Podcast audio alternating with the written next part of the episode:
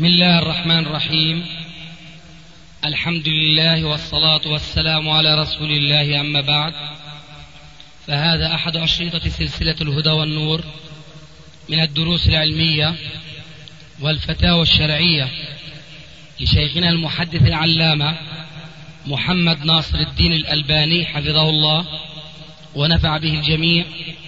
قام بتسجيلها والتأليف بينها محمد بن أحمد أبو ليلى الأثري. إخوة الإيمان والآن مع الشريط السادس بعد المئة السابعة على واحد. بأن الشهادة تنقسم إلى قسمين حقيقية وحكمية. فإذا قلنا في هؤلاء ماتوا في سبيل الله أي شهادة حكمية ألحقناهم بمن نص عليهم الرسول عليه السلام بأنهم شهداء كالذي يقتل هدما أو غرقا أو دفاعا عن ماله وعن نفسه. هؤلاء حسبهم أن يحكم فيهم أنهم ماتوا في سبيل الله أما أنا فلا أعتقد ذلك. أقول حسبهم بالنسبة لغايتهم ومقصدهم. وإلا فانظروا الآن كم وكم من قتيل يقع بسبب هذه الثورات التي تقع باسم الخروج على الحاكم الذي يحكم بغير ما أنزل الله. صحيح.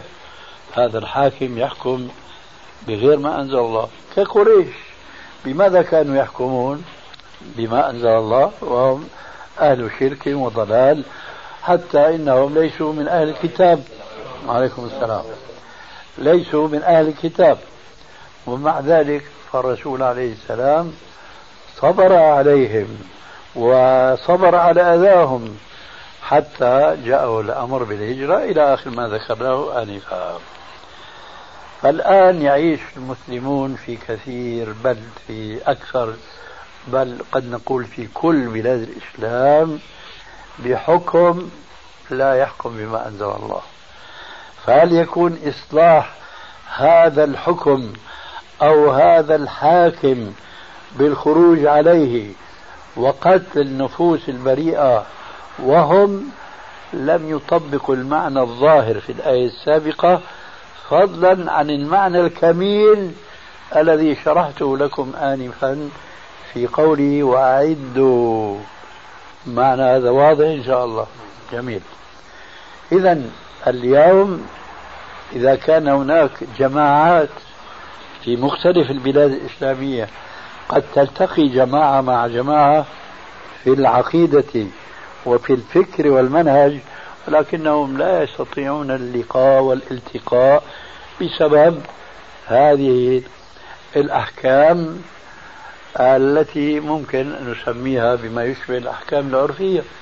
اليوم لا تستطيع أنت أيها المسلم الذي تعيش هنا في عمان أن تدخل متى شئت جنوبا إلى مكة إلى بيت الله الحرام إلا كما تدخل إلى بلد كافر مشرك بل ربما دخولك هناك أسهل من دخولك هنا في الجنوب إلى بيت الله الحرام.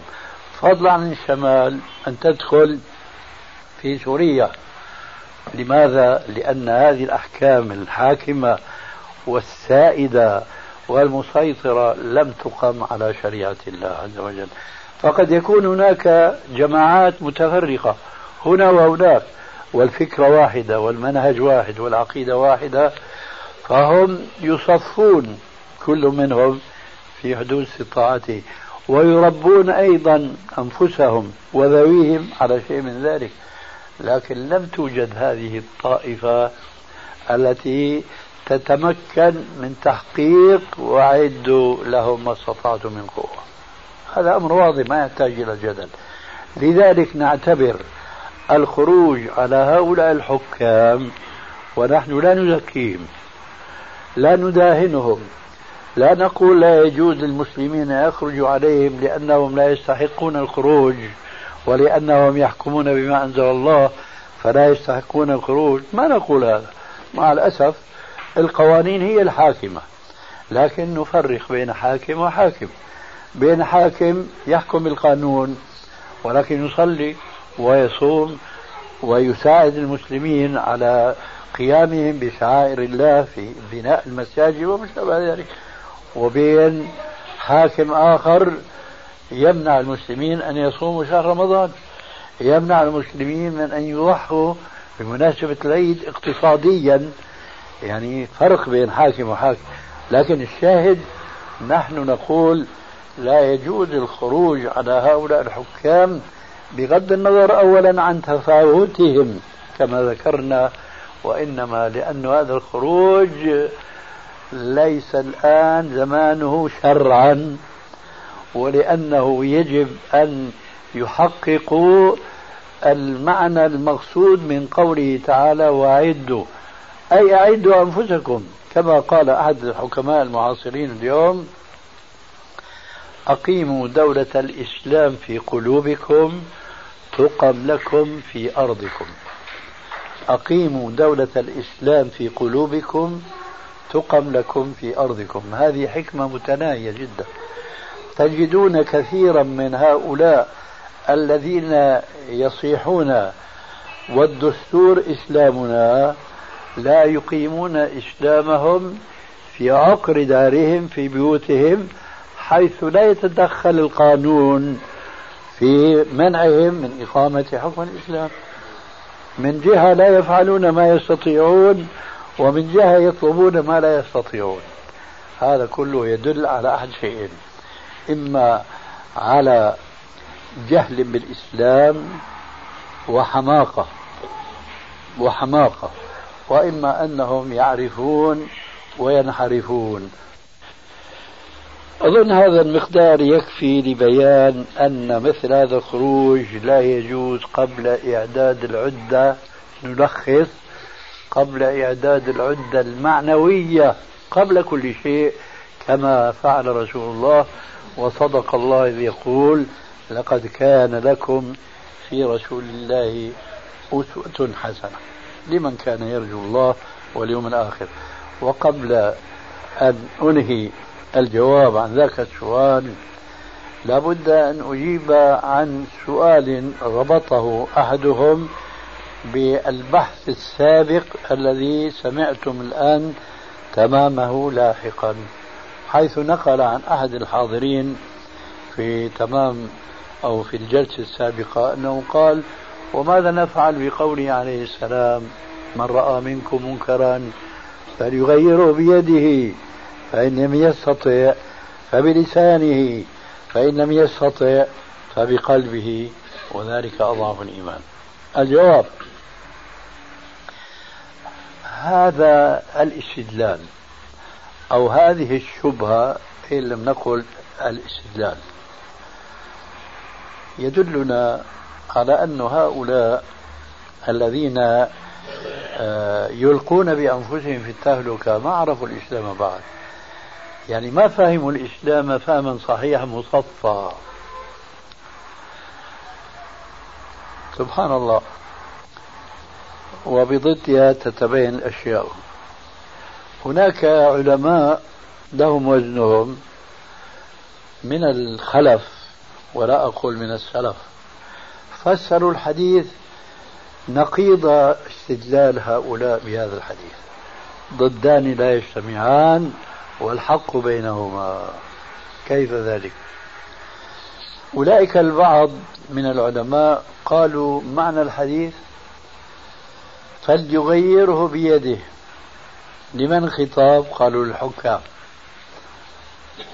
من رأى منكم منكرا فليغيره بيده. من رأى منكم أيها الحكام. من رأى منكم منكرا فليغيره بيده. فإن لم يستطع فبلسانه أيها العلماء. ومن لم يستطع فبقلبه أي من عامة الناس. هذا تفسير الحديث هو التعطيل مثل تلك الأمثلة التي قدمناها هناك في الجلسة السابقة. ما فعل بعض الطوائف الإسلامية قديما وحديثا حيث فسروا النصوص بتفسيرها الذي لا يدل عليها لغة ولا شرع.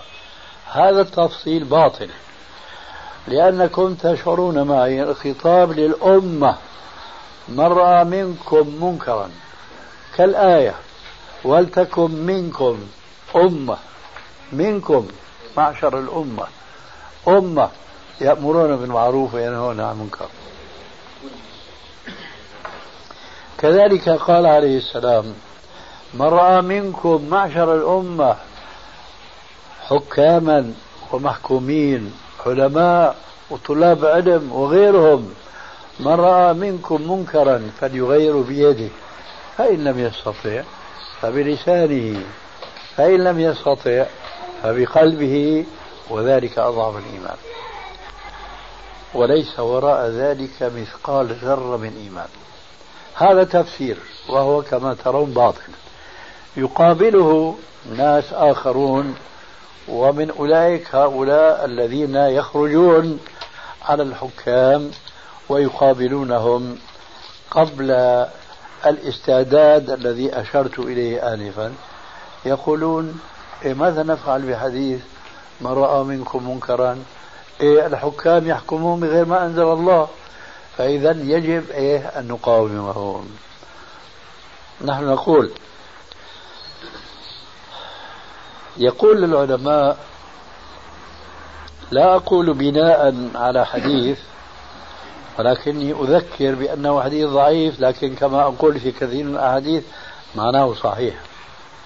قال من كان آمرا بالمعروف فليأمر بالمعروف.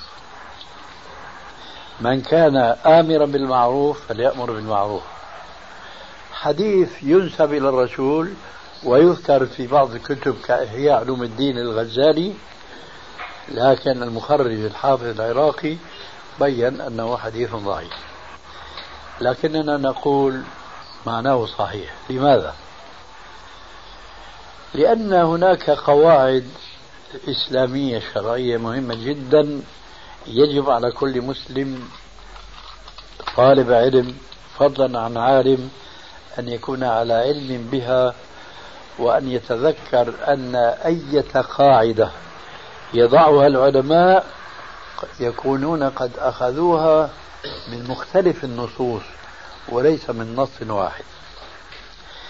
إيه هذا الأخذ لا يحسنه كل طالب علم بل قد لا يحسنه كثير من أهل العلم فعلى كل عالم فضلا عن طالب علم أن يستفيد من جهود العلماء الذين سبقوه.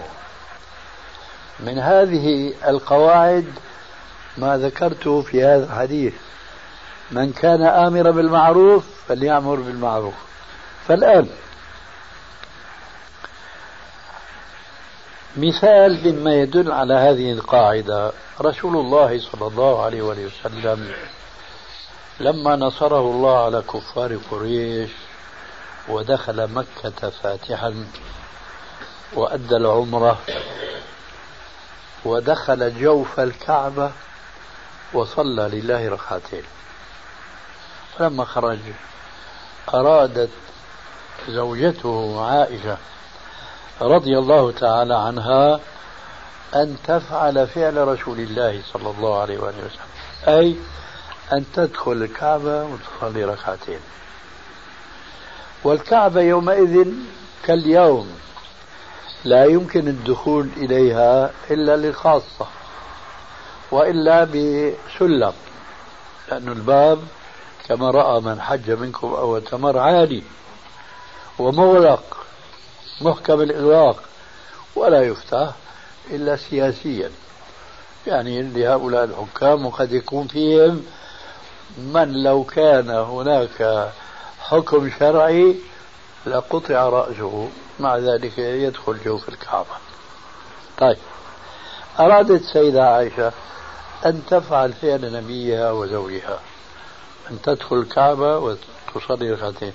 فقال عليه السلام لها وكان رفيقا بأهله يا عائشة صلي في الحجر. صلي في الحجر. وتعرفون الحجر. وهو المحاط بالجدار. فإنه من الكعبة. وإن قومك لما بنوا الكعبة قصرت بهم النفقة. فجعلوا الحجر خارج الكعبة. فصلي في الحجر فإنه من الكعبة. والشاهد قال ولولا أن قومك حديث عهد بالشرك لهدمت الكعبة. ولبنيت على أساس إبراهيم عليه السلام ولجعلت لها بابين مع الأرض بابا يدخلون منه وبابا يخرجون منه. ما أحلى الإسلام كله يسر لكن ما فعل الرسول عليه السلام هذا. وهذا من تغيير المنكر باليد لأنه هذا من بناء الجاهلية. كانت الكعبة مثلا مثلا لأني لا أذكر الآن مساحتها الآن قد تكون عشرة في عشرة أو خمسة عشر كان ضعف ذلك. أي الحجر من الكعبة ففي خسارة.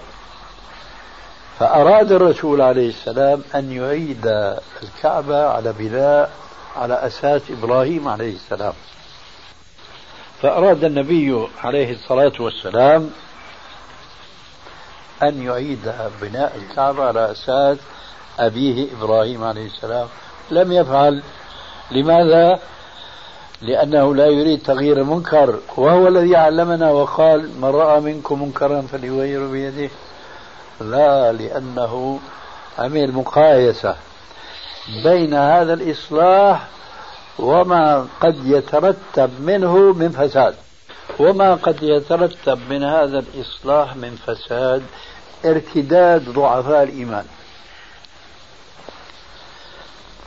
جاء في بعض الأحاديث الصحيحة أن رجلا جاء إلى النبي صلى الله عليه وسلم وسأله عما يجوز للرجل الزوج أن يجامع أو يخالط زوجته وهي حائض لماذا سأل هذا السؤال؟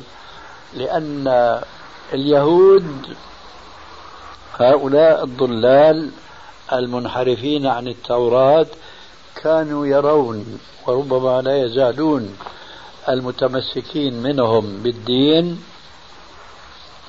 لا يزالون على هذا الضلال. إذا حاضت الزوجة حصروها في غرفة ولم يخالطوها. الزوج هنا ممنوع عليه أن تدخل. هي هناك ممنوع عليه أن يدخل. مفاصلة تامة لأنها حائض كأنها نجسة. فلما سأل ذلك الرجل رسول الله صلى الله عليه وسلم ما يحل للرجل من زوجته وهي حائض؟ قال اصنعوا كل شيء إلا النكاح أي إلا الجماع. اصنعوا كل شيء مع الزوجة الحائض خطاب للأزواج. اصنعوا كل شيء إلا النكاح. لما بلغ اليهود هذا الخبر قال ما نرى هذا الرجل إلا يريد أن يخالفنا في كل شيء. يريد أن يخالفنا في كل شيء. فالرسول صلى الله عليه وسلم قال لعائشة يبين لها ما في مخططه وهو إعادة بناء الكعبة على أساس إبراهيم عليه السلام. لكن هناك مانع. ما هو المانع؟ قال لولا أن قومك حديث عهد بالشرك لهدمت الكعبة. لو هدم الكعبة ماذا يقول ضعفاء الإيمان؟ ها ما خلانا شيء إلا كمان بده يغير لنا مثل ما قالوا اليهود حينما قال جوابا عن ذاك السؤال اصنعوا كل شيء إلا النكاح. هنا قاعدة منها أخذ العلماء آه، قولهم إذا وقع المسلم بين مفسدتين لا حيلة له فيهما كلاهما لابد منهما. ماذا يفعل؟ قال يرضى رغم أنفه بالمفسدة الصغرى في سبيل دفع المفسدة الكبرى. فالآن المفسدة الصغرى بالنسبة للمسلمين في كل بلاد الدنيا هذا الحكم بغير ما أنزل الله لأن هذا ليس من صنعهم وليس برضاهم. لكن إذا خرج ناس على هذا الحاكم بدعوى تغيير المنكر ما راح يستفيدوا شيء. لأن هذا التغيير للمنكر سوف لا يغيرونه. وكما يقولون في بعض البلاد العين ما بتقابل مخرج. العين هل هي من شحم ولحم؟ ما بتقابل طعنة مخرج. فهؤلاء الشباب المتحمسين لإقامة حكم الله في الأرض ما بين آونة وأخرى نسمع أنهم خرجوا. وأنهم قتلوا ثم نسمع أنه قتل مقابل عشرة من هؤلاء الجنود أو الشرطة. قتل منهم مئة. حبس منهم ألوف مؤلفة. هذا لجهلهم بالقاعدة. إذا وقع المسلم بين مفسدتين اختار أيسرهما. لذلك نحن نقول لا ينافي السعي في تحقيق قوله تعالى المذكور آنفا وأعدوا لهم ما استطعتم من قوة. السعي في هذا. وغض النظر الآن عن هذا الخروج الذي لا فائدة منه إلا الضرر. إلا ضغثا على إبالة كما يقال. حين ذاك نقول إلى الاحتجاج بقوله عليه السلام من رأى منكم منكرا هذا غفلة عن كون الرسول رأى بعض المنكرات وسكت عنها خشية أن يترتب من وراء هذا المنكر مفسدة أكبر من تغيير المنكر. وأنا أذكر لكم الآن مثالا آه، أهون من هذا التغيير. رأى رجل من أصحاب الرسول عليه السلام رؤيا فجاء إليه وقص عليه عليه وسلم قال يا رسول الله رأيت نفسي وأنا أمشي في طريق من طرق المدينة فلقيت رجلا من اليهود فقلت نعم القوم أنتم معشر يهود لولا أنكم تشركون بالله فتقولون عزير ابن الله. الصحابي يقول هذا كلام لليهود في المنام. نعم القوم أنتم معشر يهود لولا أنكم تشركون بالله فتقولون عزير ابن الله. فأجابه اليهودي في المنام. ونعم القوم أنتم معشر المسلمين لولا أنكم تقولون ما شاء الله وشاء محمد. الآن يقولون الناس هذا الكلام لجهلهم بالإسلام. نعم القوم أنتم معشر المسلمين لولا أنكم تقولون ما شاء الله وشاء محمد. قال ثم مضيت فلقيت رجلا من النصارى. فقلت له نعم القوم أنتم معشر النصارى لولا أنكم تشركون بالله فتقولون ما شاء الله وشاء محمد. هذا النصراني بقابل نعم؟ آه المسيح عفوا. المسلم يقول للنصراني نعم القوم أنتم معشر النصارى لولا أنكم تشركون بالله فتقولون عيسى ابن الله. فقابله النصراني بقوله ونعم القوم أنتم معشر المسلمين لولا أنكم تشركون بالله فتقولون ما شاء الله وشاء محمد لما قص القصة على الرسول عليه السلام قال له صلى الله عليه وسلم هل قصصت على أحد؟ قال لا. فخطب الرسول في الصحابة قال طالما سمعت منكم كلمة تقولونها فأستحيي منكم. شوفوا بقى الشاهد وين. يسمع منهم هذه الكلمة فيستحي منهم أن يبادرهم بالإنكار. لأنه عليه السلام يعلم أنهم يقولون خطأ بألسنتهم وليس عقيدة منحرفة عن التوحيد في قلوبهم. فيقول لهم طالما سمعتها منكم. ثم قص عليهم الرؤيا هذه فقال عليه السلام بناء على ذلك لا يقولن أحدكم ما شاء الله وشاء محمد ولكن ليقل ما شاء الله وحده. اذا بارك الله فيكم تغيير المنكر. مش راسا ترى منكرا تبادر أنكاره. بدك تعمل شو بيقولوا اليوم في العمليات الحسابية؟ معادلة. تقابل الحسنات بالسيئات. وتوازن أيوه. توازن بين الحسنات والسيئات. فإذا غلب على ظنك أنه في تغييرك لهذا المنكر ستكون الحسنات أكثر من السيئات فبادر وأنت مأجور وأنت منفذ لهذا الحديث. أما إذا بدا لك أن السيئات والمفاسد ستكون أكثر من المصالح التي يبتغى من الأمر بالمعروف والنهي عن المنكر فأمسك. كما أمسك رسول الله صلى الله عليه وسلم عن هدم الكعبة بل كما أمسك أياما عن أن يقول لأصحابه لا يقولن أحدكم ما شاء الله وشاء محمد ولكن ليقل ما شاء الله وحده. لعل هذا نختم به الجواب عن السؤال السابق. آه، يبقى هناك نعم. تفضل إيش تريد؟ سؤال سبقك بها عكاشة. نعم. نفس الفكرة يعني. هناك يعني جماعتين أو منهجين يحاولوا يقيموا الدولة الإسلامية بطرق أخرى غير طريق مثلا الجهاد أو في رأيهم. الطريقين هذول أولى الطرق اللي هي المشاركة في المجالس النيابية. يا أخي أخذت الجواب الله يهديك. نعم. ما في طرق هناك إلا طريق محمد. عارفين هذا الحكي بس في ردك عليهم يعني. تكملة يعني للموضوع. وهناك طريق ثالثة اللي هي المنهج العلمي والفكري آه، بيقولوا فيه إنه الإسلام بحل المشكلات العصرية ومشكلات الناس. ففي ردك على هذين الطريقين. جزاك الله خير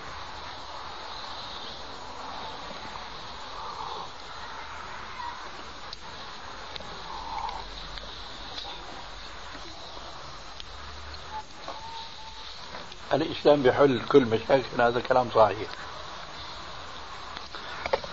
لكن هذا إذا جعل طريقا فهي طريق خاطئة. لأن الإسلام إذا حل مشكلة ما اقتصادية من ينفذه؟ آه الذين يحكمون غير ما أنزل الله تعود المشكلة من أصلها. والإسلام بحل كل مشكلة هذا الذي قلنا نحن تصفية وتربية. حينما نعود إلى الإسلام الصحيح بالمفهوم الصحيح ستحل كل المشاكل لكن هذا يحتاج إلى من يقيم هذه الأحكام المصفات والمأخوذة من الكتاب والسنة. لذلك فهذا ليس له علاقة بالمنهج الذي يراد التمسك به في إقامة حكم الله في الأرض. بخلاف الطائفة الأولى التي ذكرتها وهي الذين ينتمون أو يدخلون إلى البرلمانات القائمة على مخالفة الشريعة. هذا ما يجوز إسلاميا وما أنا أتعجب كيف يمكن لمسلم أن يقول أن هذا هو الطريق. لكن أقول يمكن لمسلم أن يقول هذا الطريق لأنه لا يعلم طريق الرسول عليه السلام. أنا أقول معالجة الأمر الذي نحن ندندن له لا شك أن هناك جماعات كثيرة إسلامية تلتقي في نقطة واحدة وكما أشرت في كلامك تختلف في الطرق لتحقيق هذه النقطة هذه الغاية. الغاية إقامة الدولة المسلمة. ما في فرق بين طائفة أو جماعة وجماعة لكن في فرق في الطريق. من هذه الطرق أن يدخل هؤلاء الإسلاميون البرلمان مشان يتمكنوا من تخفيف القوانين الحاكمة. تحكيم أضرارها وتغيير المستطاع منها مع الزمن حتى يصبح حكم البرلمان هو حكم الإسلام. أنا أعتقد هذه معالجة لا يقول بها مذهب من المذاهب الإسلامية. لأحد الأئمة المسلمين ولكنه مذهب لرجل كان مسلما ولكنه كان ماجنا. فأقول هذا الحل لإقامة الدولة المسلمة بالدخول البرلمان. هذا مذهب يجوز على مذهب أبي نواس. ماذا قال أبو نواس؟ قال وداوني بالتي كانت هي الداء. هذا من أعجب ما يسمع من بعض الدعاة. فأقول هذا الحل لإقامة الدولة المسلمة بالدخول البرلمان. هذا مذهب يجوز على مذهب أبي نواس. ماذا قال أبو نواس؟ قال وداوني بالتي كانت هي الداء. هذا من أعجب ما يسمع من بعض الدعاة الإسلاميين اليوم أنه يجوز للمسلم المثقف العالم أن يدخل البرلمان لمعالجة مشكلة البرلمان الذي يحكم بغير ما أنزل الله. هذا هو كما قال ذلك الماجن وداوني بالتي كانت هي الداء.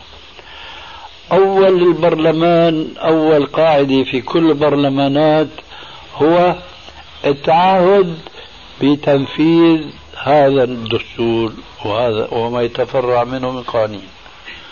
طيب هذا يجوز لمسلم؟ طيب مبين إذا مكتوب من عنوانه. فما يحتاج أن يقال ولا مؤاخذة أنه في هناك طرق مختلفة لتحقيق المنهج أو الغاية التي يتفق عليها المسلمون منها أن بعض الناس يقولوا يدخل في البرلمان لتحقيق هذه الغاية. هذه الغاية لن تتحقق مطلقا إلا بطريق واحدة هي طريق رسول الله صلى الله عليه وسلم خلاصتها التصفية والتربية. أما مسايرة الحكام ومداراتهم والدخول في برلماناتهم. ثم نحن جربنا في سوريا وجرب غيرنا في غيرها. وهنا جربنا ما الذي استفدناه من دخول بعض الإسلاميين في البرلمان؟ لا شيء. وسبحان الله نحن نرى أن بعض المتحمسين للإسلام يدخلون البرلمان ثم يخرجون منه وقد ضعف إيمانهم بالبرلمان. وذلك ما نرجوه. لكن مع الأسف عم يضيعوا أوقاتهم وجهودهم في تحقيق غاية عظيمة جدا هي إقامة الدولة المسلمة بنظام هو ضد الإسلام. إذا وداوني بالتي كانت هي الداء هذا لا يجوز هذا أبدا. واعلموا يقينا إذا ما كنتم علمتم بعد وقد كرر عليكم العلماء وطلاب العلم مرارا وتكرارا حتى لا يكاد يتصور وجود عامي لم يسمع بقول عليه السلام في خطبه وخير الهدى هدى محمد. ما في شك خير الهدى هدى محمد. طيب محمد شارك المشركين؟ سايرهم بالمشاركة في نظامهم الجاهلي. بالعكس قال تعالى لقد كدت تركن إليهم شيئا قليلا. الله أكبر. سيد البشر ربنا بيهدده بهذا التهديد وبيقول له لقد كدت تركن إليهم شيئا قليلا. الآية ولو إيش؟ ولو لولا أن ثبتناك لقد كدت لا إيش؟ لا ذقناك ضعف الحياة وضعف الممات الله أكبر. فهذه الآية أكبر دليل أنه لا ينبغي لجماعة مسلمة أن يميلوا وأن يركنوا إلى هذا الحكم باسم إصلاح الحكم. فقد كدت تركن إليهم شيئا قليلا. والله عز وجل يقول في الآية الأخرى ولا تركنوا إلى الذين ظلموا فتمسكم النار. فأخيرا أقول أوردها سعد وسعد مشتمل ما هكذا يا سعد تورد الإبل؟ ما هكذا تقوم دولة الإسلام بمشايعة النظام الذي يحارب الإسلام؟ قانونا ونظاما يحارب الإسلام. القوانين الآن تعطي الحرية الشخصية تفرق بين رجل اغتصب فتاة وبين رجل جامع وزنى بفتاة وهي راضية. إيش هذا؟ الذي يدخل في البرلمان ويعاهد الله ويقسم يمينا بما يقدسه أنه هو ينصر الدستور وينصر القانون وبعدين يقول أنا أتخذ هذه وسيلة لنصر الإسلام والسعي لإقامة الدولة المسلمة. ألا تقولون معي أن هذا هو مذهب ابن نواس وداوني بالتي كانت هي الداء. نعود آه، إلى السؤال السابق وهو أمر آه، يبتلى به كثير من الملتزمين للسنة.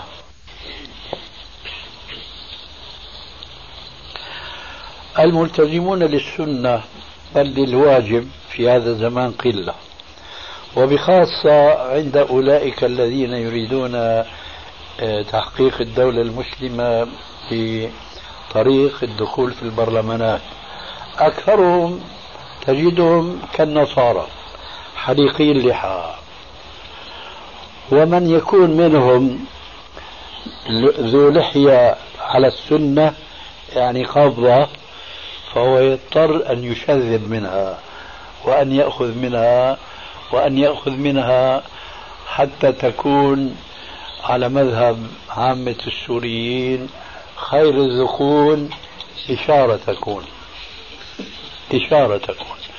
هذا كله مسايرة للجو الذي ينتمون إليه بقصد إقامة الدولة المسلمة. فكثير من المسلمين أو أكثر المسلمين اليوم لا يرتاحون متأثرين بالثقافة الغربية والعادات الغربية الكافرة.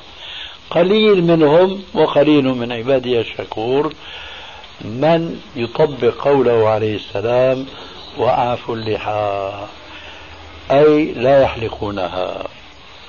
لكن هؤلاء الذين لا يحلقون اللحى طرفان على طرفي نقيض كما قلنا آنفا في بعض الأصناف التي سبق ذكرها. طرف منهم يطلقونها إطلاقا تاما مهما طالت.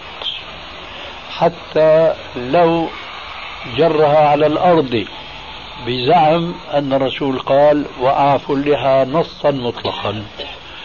وناس آخرون وهم الأكثرون ممن ممن نجوا من مصيبة الحلق. نجوا من مصيبة الحلق ولكن يريدون أن يساددوا أن يقاربوا في المجتمع الذي يعيشون فيه. نحن نرى في بعض الأحزاب ولست الآن بحاجة إلى أن أسمي لا تجد فيهم ذا لحية شرعية. تجد فيهم أصحاب لحى لكن إما على مذهب عامة السوريين أو أرقى قليلا لكن لا يجعل لحيته على السنة التي هي القبضة كما سيأتي بيانه حتى لا يقال أن هذا من المتشددين. أو كما يقولون اليوم من الأصوليين. وهذا اسم جديد من ابتكره الكفار هذول؟ مشان يضللوا الناس جميعا ما بين مسلمين وما بين كافرين. فالمسلم الذي يريد أن يحقق في نفسه قول ربه لقد كان لكم في رسول الله أسوة حسنة ما بيعالج هذه الأسوة بأنصاف الحلول؟ فهو يعلم مثلا أن السلف الصالح الذين رأوا رسول الله صلى الله عليه وآله وسلم بأعينهم وعاشروه كثيرا وكثيرا في مجالسهم معه أن الرسول عليه السلام ما كان يتخذ لحية طولها نصف سنتي أو سنتي أو سنتيين وإنما كانت لحيته جليلة. وجاء تحديد هذا بعمل السلف الصالح ابن عمر وأبي هريرة وعطاء بن أبي رباح وأمثال هؤلاء السلف. المسلم إذا هو الذي يسلم قيادة عقله وتفكيره وعواطفه وشهواته تسليما عاما لما جاء به رسول الله صلى الله عليه وآله وسلم. لكن هذا التسليم وهنا أمر هام جدا وإن كان سبق بيانه في مسألة التصفية والتربية. هذا التسليم إنما يكون مقرونا بالعلم وأي علم؟ العلم الصحيح المستقى من الكتاب والسنة. كيف نعرف كيف كان السلف؟ هل كانوا يطيلون لحاهم مهما طالت ولو جرت على الأرض؟ نحن رأينا صور اللحية أطول من صاحبها. رأيتم هذا؟ ما رأيتم. هذا من عجائب خلق الله. اللحية أطول من صاحبها. لماذا؟ لأنه طول الرأس قديش؟ 20 سنتي 25 سنتي. هو بجر لحيته عشرات السنتيات على الأرض فلحيته أطول من قامته. هذا طبعا ليس مسلما لكن هو فعل هذا من باب كسب المادة عجائب مخلوقات. ما سمعتم بهذا اليوم بعض الأوروبيين الذين يعرفون كيف تؤكل الكتف. وكيف يجمع المال بيجيبوا مخلوق غريب جدا سواء كان إنسانا أو حيوانا بيجيبوا إنسان قزم وبيعرضوا وبيفتحوا مجال للاطلاع على هذا المخلوق العجيب مقابل إيش؟ ادخلية كذا دينار أو درهم أو ما شابه ذلك. فهذا رجل أطال لحيته حتى فاقت قامته. ترى هذا هو المقصود من قوله عليه السلام. وعليكم السلام ورحمة الله وبركاته. وأعفوا اللحى. ترى هذا هو المقصود من قوله عليه السلام وأعفوا اللحى. أي من الناحيتين السلبية والإيجابية. هل المقصود بها إعفائها حتى يجرها صاحبها أرضا؟ أو المقصود بها إعفاء على كيفه لا هذا ولا هذا. فلا يجوز الإعفاء المطلق بحيث أنه تملأ صدره وبطنه وقد يجرها أرضا كما ذكرنا آنفا. ولا هو إعفاء بقدر ما يحلو للإنسان المسلم. لا ليس هذا ولا هذا. وإنما ويسلم تسليما. أنتم ترون الآن في بعض البلاد الإسلامية آه، اللحية صارت عبارة عن دمغة. دمغة في أسفل الذقن وصار شعار لطائفة من العرب أو لشعب من الشعوب العربية. هذه مو لحية يا جماعة. كل محلوقة هكذا وما بقي إلا دمغة سوداء ها هنا.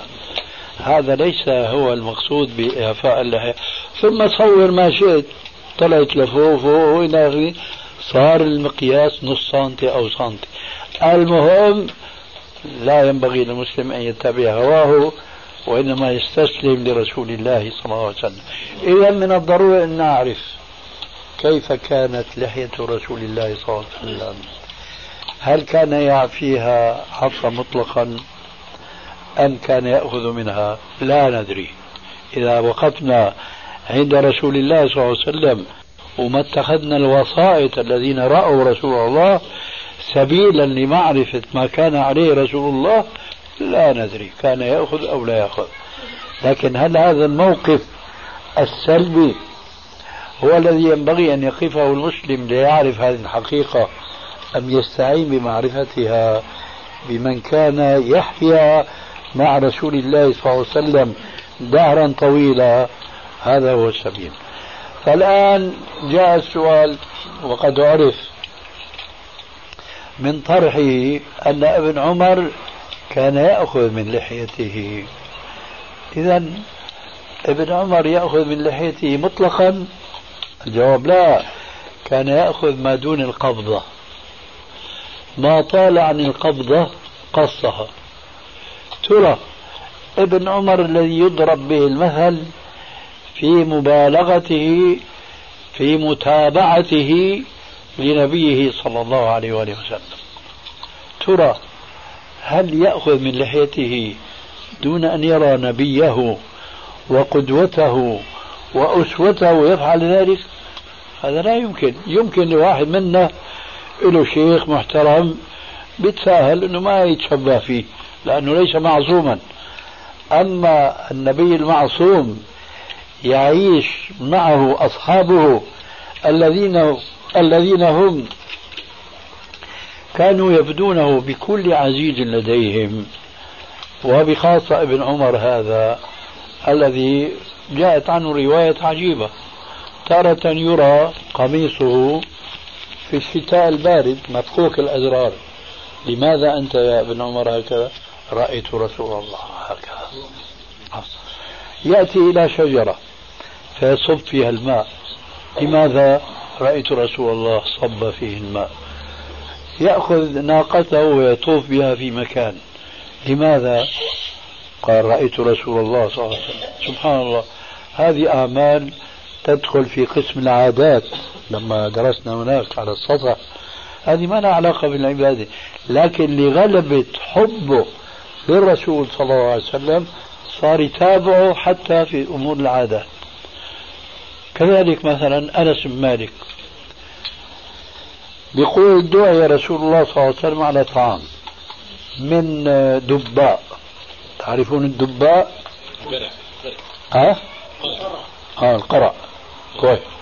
قال فرأيت رسول الله صلى الله عليه وسلم يتتبع الدباء يعني هذا الطبيخ فيه دباء وفيه لحم مثلا فيه ربما خضرة أخرى مش مذكور. لكن قولوا رأيته يتتبع الدباء معناه في شيء ثاني. قال فلما رأيته يتتبع الدباء أخذت أنا أجمع الدباء وضعه أمام الرسول عليه السلام وهذا من إكرام هذا الصحابي الجليل لنبيه الكريم. ماذا قال أنس؟ قال فلم أزل أحب الدباء من يوم رأيت رسول الله صلى الله عليه وسلم يحب الدباء.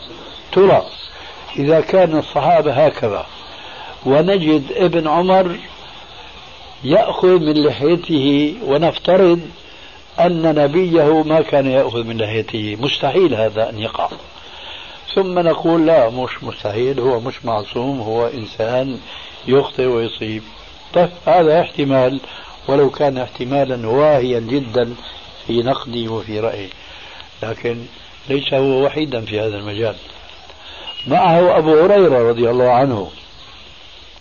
أيضا كان يأخذ من لحيته. وهذه أخبار صحيحة.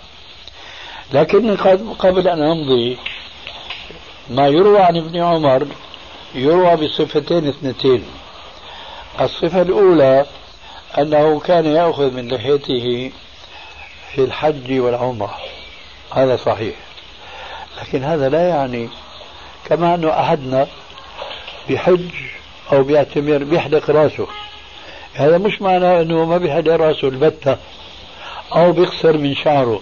هذا مش معناه أنه ما بيقصر من شعره البتة لكن هذا يعتبر هناك منسكا من المناسك ولذلك يحافظ أي حاج إما على الحلق وهو الأفضل أو على القصر وهو الجائز المفضول.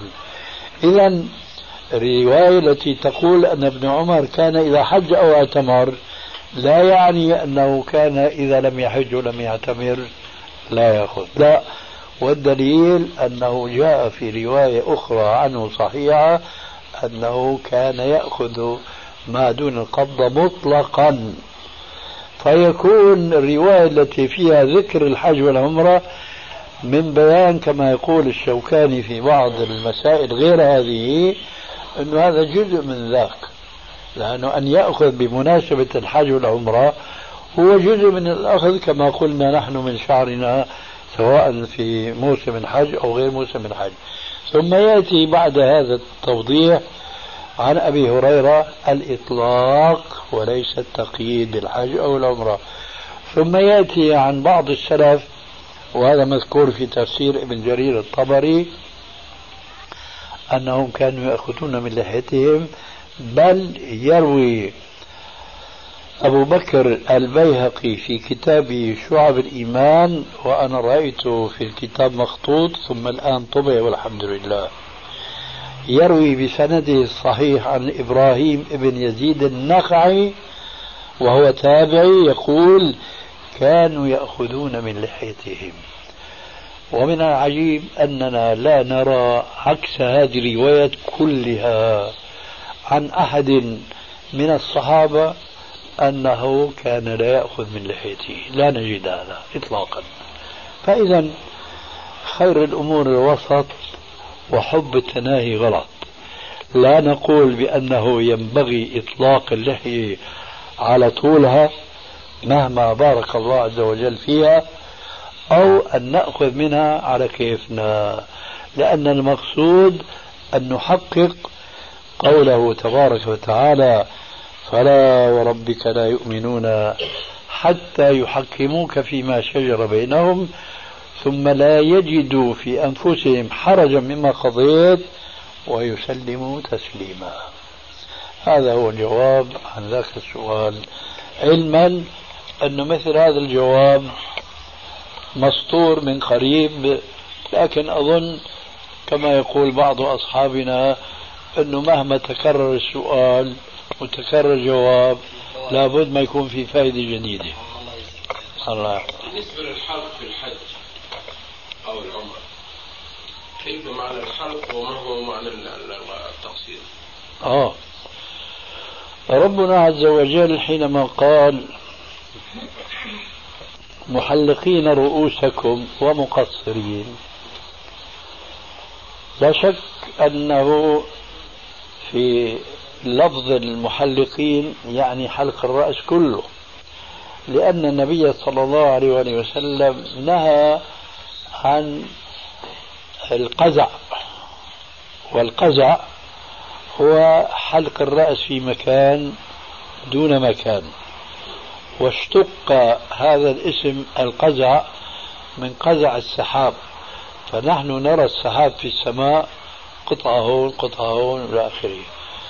فنهى الرسول عليه السلام عن أن يتلاعب المسلم بشعر رأسه ففي مكان يحلق وفي مكان يترك. لا. فقال عليه السلام في حديث آخر حديث نهى عن القزع حديث متفق عليه بين البخاري ومسلم. في حديث آخر قال وهو في سنن أبي داود وغيره بالسند الصحيح احلقوا كله أو اتركوا كله. فما بيجوز واحد يحلق قسم من الشعر ويترك القسم الثاني. هذا نعم. الآن بسموه مرنس. فالآن قوله تعالى محلقين قطعا المقصود فيه حلق الرأس كله. هذا هو المرحلة الأولى أو الفضلة حيث قال عليه السلام في عمرة الفتح. قال رحم الله المحلقين رحم الله المحلقين رحم الله المحلقين. وسكت. قالوا له يا رسول الله والمقصرين؟ قال والمقصرين. في إشعار أنه معلش لكن الأفضل الحلق. فحينما قال رحم الله المحلقين لا يعني محلقين بعض الرأس وتاركين البعض. وإنما كل الرأس كما جاء في الحديث السابق. أحلقوا كله أو اتركوا كله. فإذا رجعنا إلى الآية. محلقين رؤوسكم أي كل الحلق. ومقصرين رؤوسكم أي كل التقصير. وليس كما يفعل البعض. وبيسلم قيادة رأسه بعد ختم حجه أو طواف القدوم مثلا في الحج أو العمرة بيجي له يسلم رأسه لطفل صغير حامل قص يقص له كم شعرة. خلاص هذا حقق ومقصرين. لا التقصير كله أو الحلق كله هذا هو المقصود. فلا يجوز إلا هذا. تفضل. نعم الخد ما ينبت على الخدين من الشعر فهو من اللحية. لغة لغة. الشعر الذي ينبت على الخدين لا يجوز مسه بسوء لا يجوز حلقه ويعملوا هيك خط مستقيم كمان هذا من العبث ومن اللعب لأنه في القاموس المحيط للفيروزبادي أن الشعر النابت على الوجنتين يعني الخدين هما أو هو من اللحية. فإذا لا يجوز أخذ هذا الشعر هنا. ولو كان الله عز وجل خلق رجلا بشعر كثيف فهذا يجب أن نلاحظ هذه الفائدة فإن أكثر الناس لا يعلمون مع الأسف. الفائدة أن نتذكر أننا مهما رأينا من تفاوت ظاهر في وجوه الناس في خلق الناس ما نتذكر إلا قول الله تبارك وتعالى ما ترى في خلق الرحمن من تفاوت لا يعني هذا التفاوت الذي يتبادر إلى ذهن البعض أنه هذا أسمر وهذا أبيض وهذا أشقر وذاك أسود هذا طويل وهذا قصير وذاك ما بينهما هذا تفاوت ملموس. لكن يعني ما ترى في خلق الرحمن من تفاوت يخل بالحكمة الإلهية. ولذلك فلا يجوز لمن آه، خلق كوسجا. من خلق كوسجا يعني أطلس. يعني لا أطلس أمرد. هذا هو الكوسج يعني كالمرأة. لا ينبت له شعر. هذا لا يجوز له أن يغير من خلق الله بأن يتخذ لحية على طريقة لوردات الإنجليز مثل الباروكة يعني. كيف الباروكة الآن كل يوم المرأة تتزين بنوع من الشعر؟ لا يعجبها خلق الله. قد تكون قد يكون شعرها أسود فاعم. لا يعجبها. أو يعجبها في بعض الأوقات فتظهر بخلق الله. في بعض الأوقات أخرى تتخذ الباروكة شعر ذهبي. عم يبرق برق إلى آخره. هذا كله دليل على عدم القضاء بخلق الله على عدم الرضا. بقضاء الله عز وجل في خلق الله. لذلك جاء الوعيد الشديد في من يغير خلق الله.